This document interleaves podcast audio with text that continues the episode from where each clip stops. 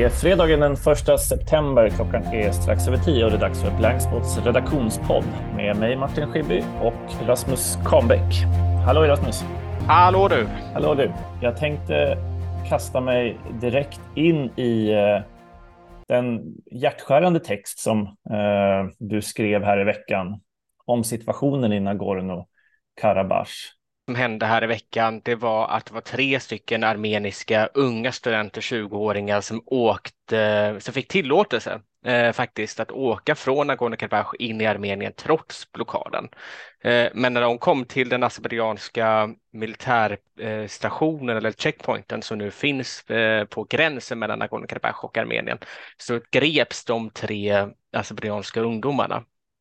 Ehm, och de anklagas för att ha skändat en, eh, en azerbajdzjansk flagga. Och då skrev Marot till mig att jag har ju varit journalist nu i ett par år och varit en av få som, eh, som rapporterat inifrån blockaden. Vad tycker Azerbajdzjan om mig egentligen? Vad innebär mm. det här för mig? Kan jag, kan jag lämna eh, kan jag lämna Nagorno-Karabach utan att bli gripen? Mm. Eh, det, det är som att jag sitter i ett, eh, i ett öppet ett öppet fängelse och bara väntar på en dom som aldrig kommer. Eh, samtidigt så skrev han också att man har dragit ner på eh, brödransonerna från en brödlimpa per person och dag till en brödlimpa per familj och dag. Eh, så att det är en, eh, den här samhällskollapsen som jag har skrivit om de senaste nio månaderna i, eh, i Nagorno-Karabach har på grund av den här blockaden kommit till en nivå där det närmar sig en fullständig humanitär katastrof. Mm. Eh, och då kände jag att eh, eh, nu är det kanske dags att åka till Armenien igen. Eh, och det hänger också ihop med att signaler som jag har fått som inte jag har skrivit om, för de inte är helt formella, men jag kan berätta om dem i podden känner jag ändå, är att FNs säkerhetsråd tog upp blockaden i, för två veckor sedan och då trodde jag att det var Ryssland som skulle stoppa en resolution som skulle fördöma Azerbajdzjan, men det visade sig att det var USA som stoppade den resolutionen. Mm. Trots att eh, både Ryssland, Kina och Frankrike eh, var eniga om att eh, vi behöver en resolution. Ehm, och USA gjorde det på grund av att man inte vill reta upp Azerbajdzjan, verkar det som. Ehm, detta är inte publicerade och inte officiella uppgifter utan det är sånt som jag har hört informellt genom villovägar. Eh, och det innebär ju att den här katastrofen börjar komma till en nivå då det är ohållbart. Eh, vad är ett värsta scenario? Måste man mm. börja ställa sig frågan. Eh, och då finns det egentligen bara två stycken värsta scenarion. Det ena är ett regelrätt folkmord, alltså att azerbajdzjanska armén går in och eh, dödar, massakrerar armenierna. Mm. Ehm, och det andra är att man eh, anordnar massevakueringar från Nagorno-Karabach och, och det kan väl liknas med en etnisk rensning i rent, eh, så som jag tolkar det rent juridiskt. Eh, för att man inte kan bo där längre. Mm. Så att det är en, jag tror att de kommande veckorna kommer det hända väldigt mycket och därför är det viktigt att åka dit. Mm.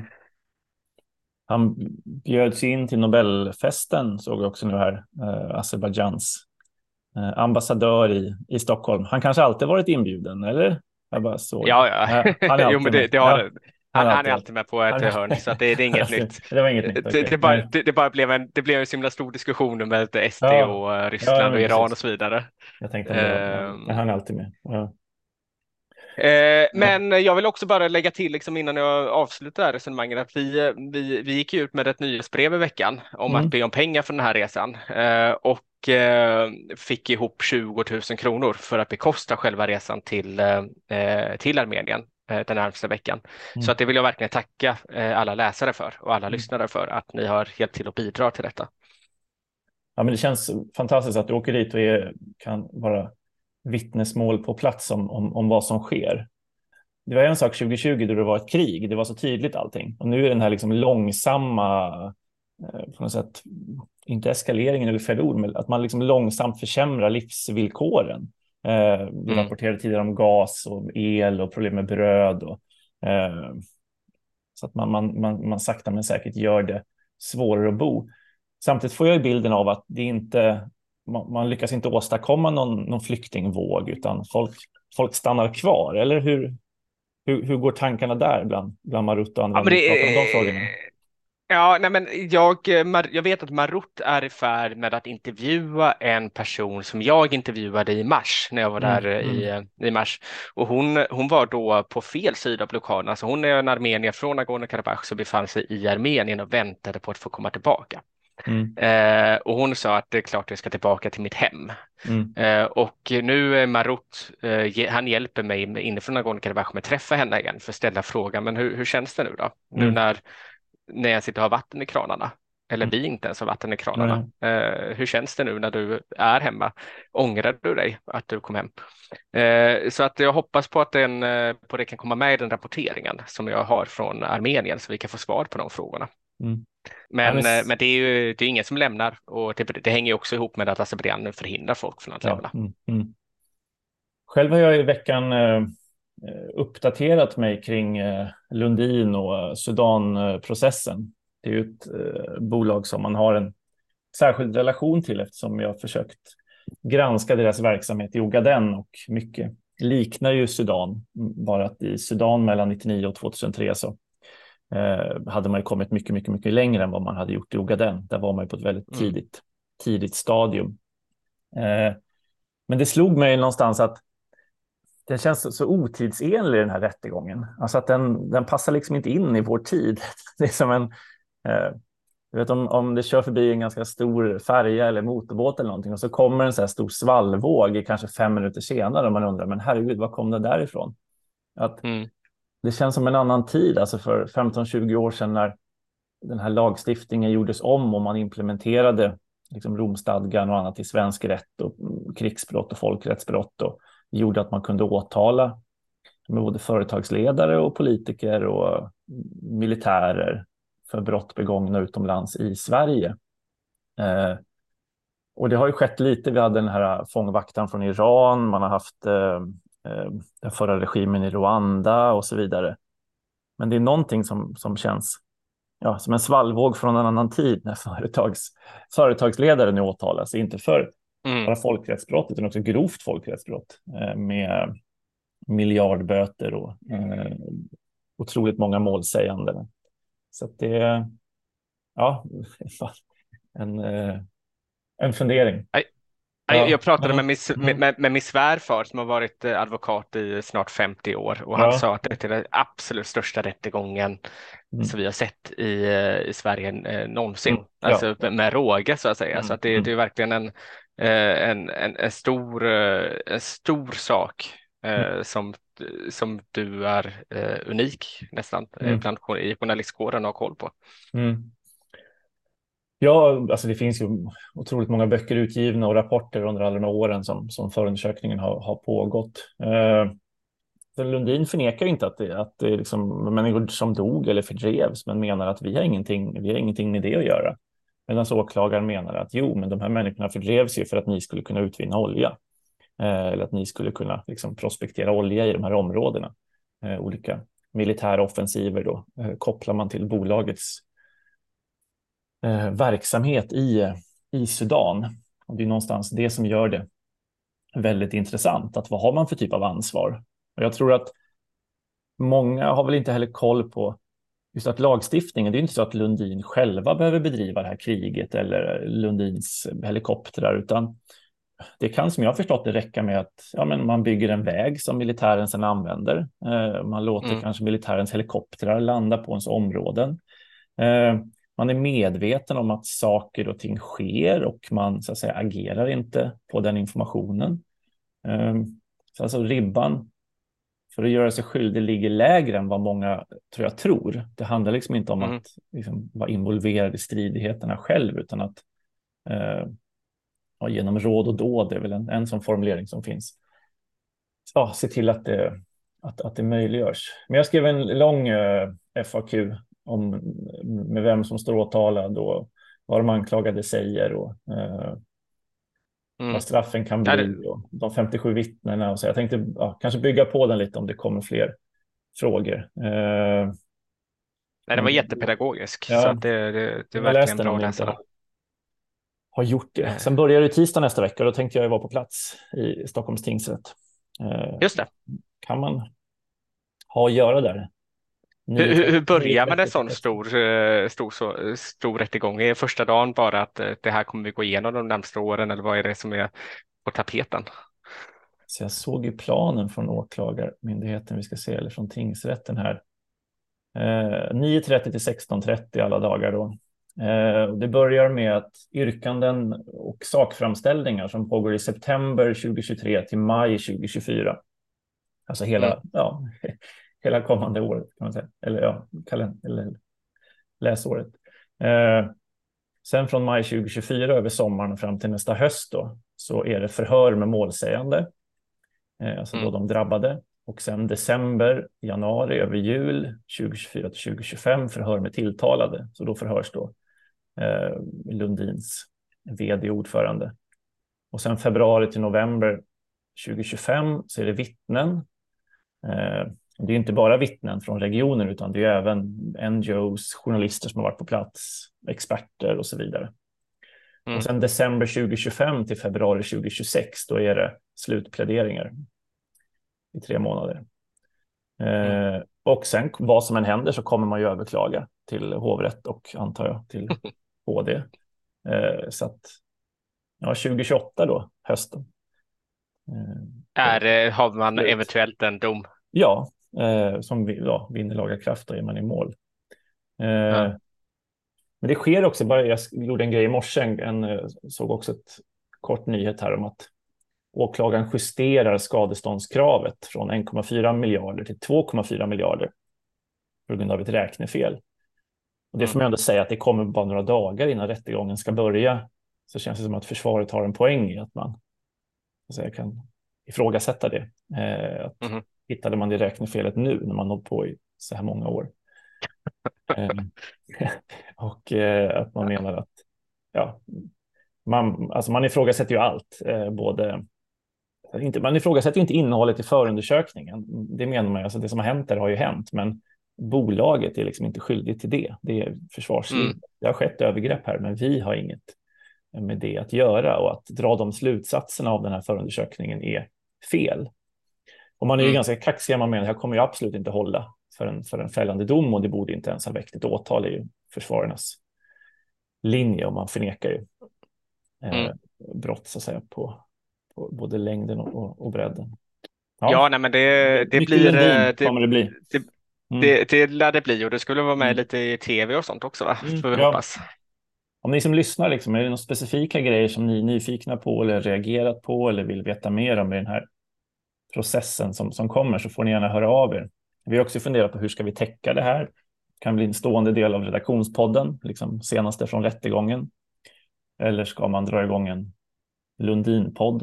Eh, är intresset så stort för det? Jag vet det kommer göras en internationell podd på engelska med NGOer och eh, Swedwatch och liknande. Det känns ju väldigt relevant eftersom omvärldens blickar kommer riktas mot Sverige. Jag menar, stora internationella företag över hela världen kommer ju följa den här rättegången eh, och fundera över ansvars, ansvarsfrågan, framförallt bolag som är verksamma i krigs och konfliktzoner. Mm. Också publicerat lite kortare nyheter om eh, klimattoppmötet som kommer ske i Dubai i november. Vi ser ut att få en liknande debatt som den inför Qatar och fotbolls-VM. Men nu är det miljöorganisationer som har att ta ställning. Ska man åka till Dubai? Eh, är det greenwashing eller kan man påverka fossilindustrin genom att, att vara där? Precis. Uh, nej, men jag tänkte på det, det här med uh, klimatmötet i Dubai. Jag mm. tänkte mm. på det förra året var det ju i Sharm el-Sheikh mm, i mm. Egypten. Mm. Uh, och vad jag förstod det som så blev det lite av ett affärsmöte för rika affärsmän i Mellanöstern också. Eh, att man körde dit sina, sina yachter och så vidare och, och la till vid, vid kajen och ja. passade på liksom att ha, ha sina affärsmöten. Så att det blev liksom en det, det, visserligen var det klimatmöte, men det var också ett, eh, ja, det, det, det, var ett ypperligt tillfälle att träffa världens ledare mm, mm. Eh, för, för sina egna intressen. Så att det, det är ju spännande när man förlägger klimatmöten i de här eh, vad man får kalla för diktaturer ändå. Mm, mm. Speciellt Egypten är ju militär, militär diktatur eh, och, eh, och att det kanske inte alltid är så altruistiskt som det låter. Nej, Nej. Eh, det blir spännande att se vad den debatten leder till. Alltså både Mm. när Qatar-diskussionen bubblade så skojar ju folk om, ja men det här är bara början, snart är ju liksom, snart har vi OS i Saudiarabien och snart är alltså, alla gränser förskjutna. Det känns som att det går, Mm. Går ganska fort. Eh, och även nu, jag tänker friidrotts-VM i, i Budapest, det var inte många artiklar om Viktor Orbán och, eh, eller liknande, eh, som det hade kanske varit för, ja, jag vet inte, en, en, en, en tid sedan. Men det är också vissa sporter Mm. som lite går under radar. Friidrotts-VM hölls ju också i Qatar väl för inte så länge sedan. Det var också ganska mycket av en icke-fråga för Svenska friidrottsförbundet och liknande organisationer. Ja. Sportwashing, greenwashing. Och, och, Och eh, det senaste Ja. Nagorno-Karabach är Röda Kors-washing, ja, jag just det. det. ja, Eh, jag som jag också ska undersöka lite. Ja. Nej, men det, det är ju lite, eh, för att återkoppla till det första ämnet, nej, men, eh, nej, så, att, så att det som har hänt är ju med den här blockaden att eh, den, den blev fullständig sedan i juni. Mm. Vad, vad, vad det innebär är att inte ens eh, internationella Röda Korsfederationen har till, tillåtelse att åka in och ut ur Nagorno-Karabach eh, så som man har gjort tidigare Mm. och har förhindrats från det. Nu har de visserligen fått börja med vissa transporter, eh, men, eh, men då och Röda Kors-rörelsen är uppbyggd på att man har eh, nationella förbund och så har man ett internationellt samarbetsorgan och så har man, eh, och så man ICRC som är den internationella hjälporganisationen. Och den är ju tänkt att agera i konfliktområden eh, eh, där de nationella förbunden inte kan komma in. I detta fallet handlar det om armeniska Röda Korset och azerbajdzjanska Röda halvmånen. Eh, men, men de här nationella förbunden, armeniska Röda Korset och, och eh, azerbajdzjanska Röda halvmånen, de, de drivs ju lokalt i de olika länderna under skydd av respektive stat. Det är det Mm, man har skrivit mm. på när man undertecknar Genèvekonventionerna. Eh, Så att azerbajdzjanska Röda halvmånen är då, när, när, när jag har granskat dem, har jag sett att de drivs ut av personer som är jättenära kopplade till Aliyev-familjen, alltså diktatorfamiljen i Azerbajdzjan. Eh, Och eh, eh, hela ledningen, ordföranden med, med flera är har direkta antingen vänskapsrelationer eller till och med familjeband till någon Mm. inom, den, inom familjen i Azerbajdzjan.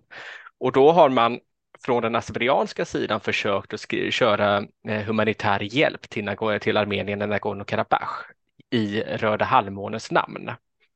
Eh, och då kallar jag det för eh, Röda kors-washing. Mhm. Eh, för att armenierna i Nagorno-Karabach, de begriper ju att Röda halvmånen är, egentligen en förlängning av den azerbajdzjanska staten. Mm, mm. Eh, eh, och vill inte ta emot den humanitära hjälpen. Så nu stoppar ryska fredsbevarande trupper röda, eh, azerbajdzjanska Röda halvmånen från att komma in med humanitär hjälp. Och azerbajdzjanska Röda halvmånen har då kört dit eh, hundratals med volontärer som står och demonstrerar framför de här ryska fredsbevarande trupperna i Röda halvmånens eh, kläder. Kläder, ja. Eh, vilket är eh, väldigt lustiga bilder. Mm. Men det är också väldigt allvarliga bilder med Mm, tanke mm. på att eh, Röda halvmånen, det är ändå ett missbruk av hela Röda korsets Ja, hela- eh, rörelsen. Hela idén Eh, är idé. att, vårda, precis, att man vårdar bägge sidor och man tar inte ställning och det är det som möjliggör en för att ja, kunna jobba i, i, och det är därför- i krig och konflikter. Ja. Ja. Eh, Och det är därför man använder ICRC eh, Mm. som, eh, för att den ska vara totalt opolitisk från Mm. de nation, eh, nationsförbunden. Men, eh, men Azerbajdzjan de pressar på och försöker köra in detta. Så att eh, Röda kors-washing, det är ett nytt ord som jag vill föra till agendan. Mm. Nio, årets nyord 2023. ja, precis. Blank- Blankspots, blankspots nyord. Alla fall. Ja. Ja. Ja. ja, men super. Eh, då får vi önska er en eh, trevlig helg eh, och lyssna under helgen. Så gå gärna in och läs artiklar och annat och dela mer av våra alster i era nätverk. Så blir vi glada. Ja, fint. Snyggt. Då säger vi hej då. Ha det fint.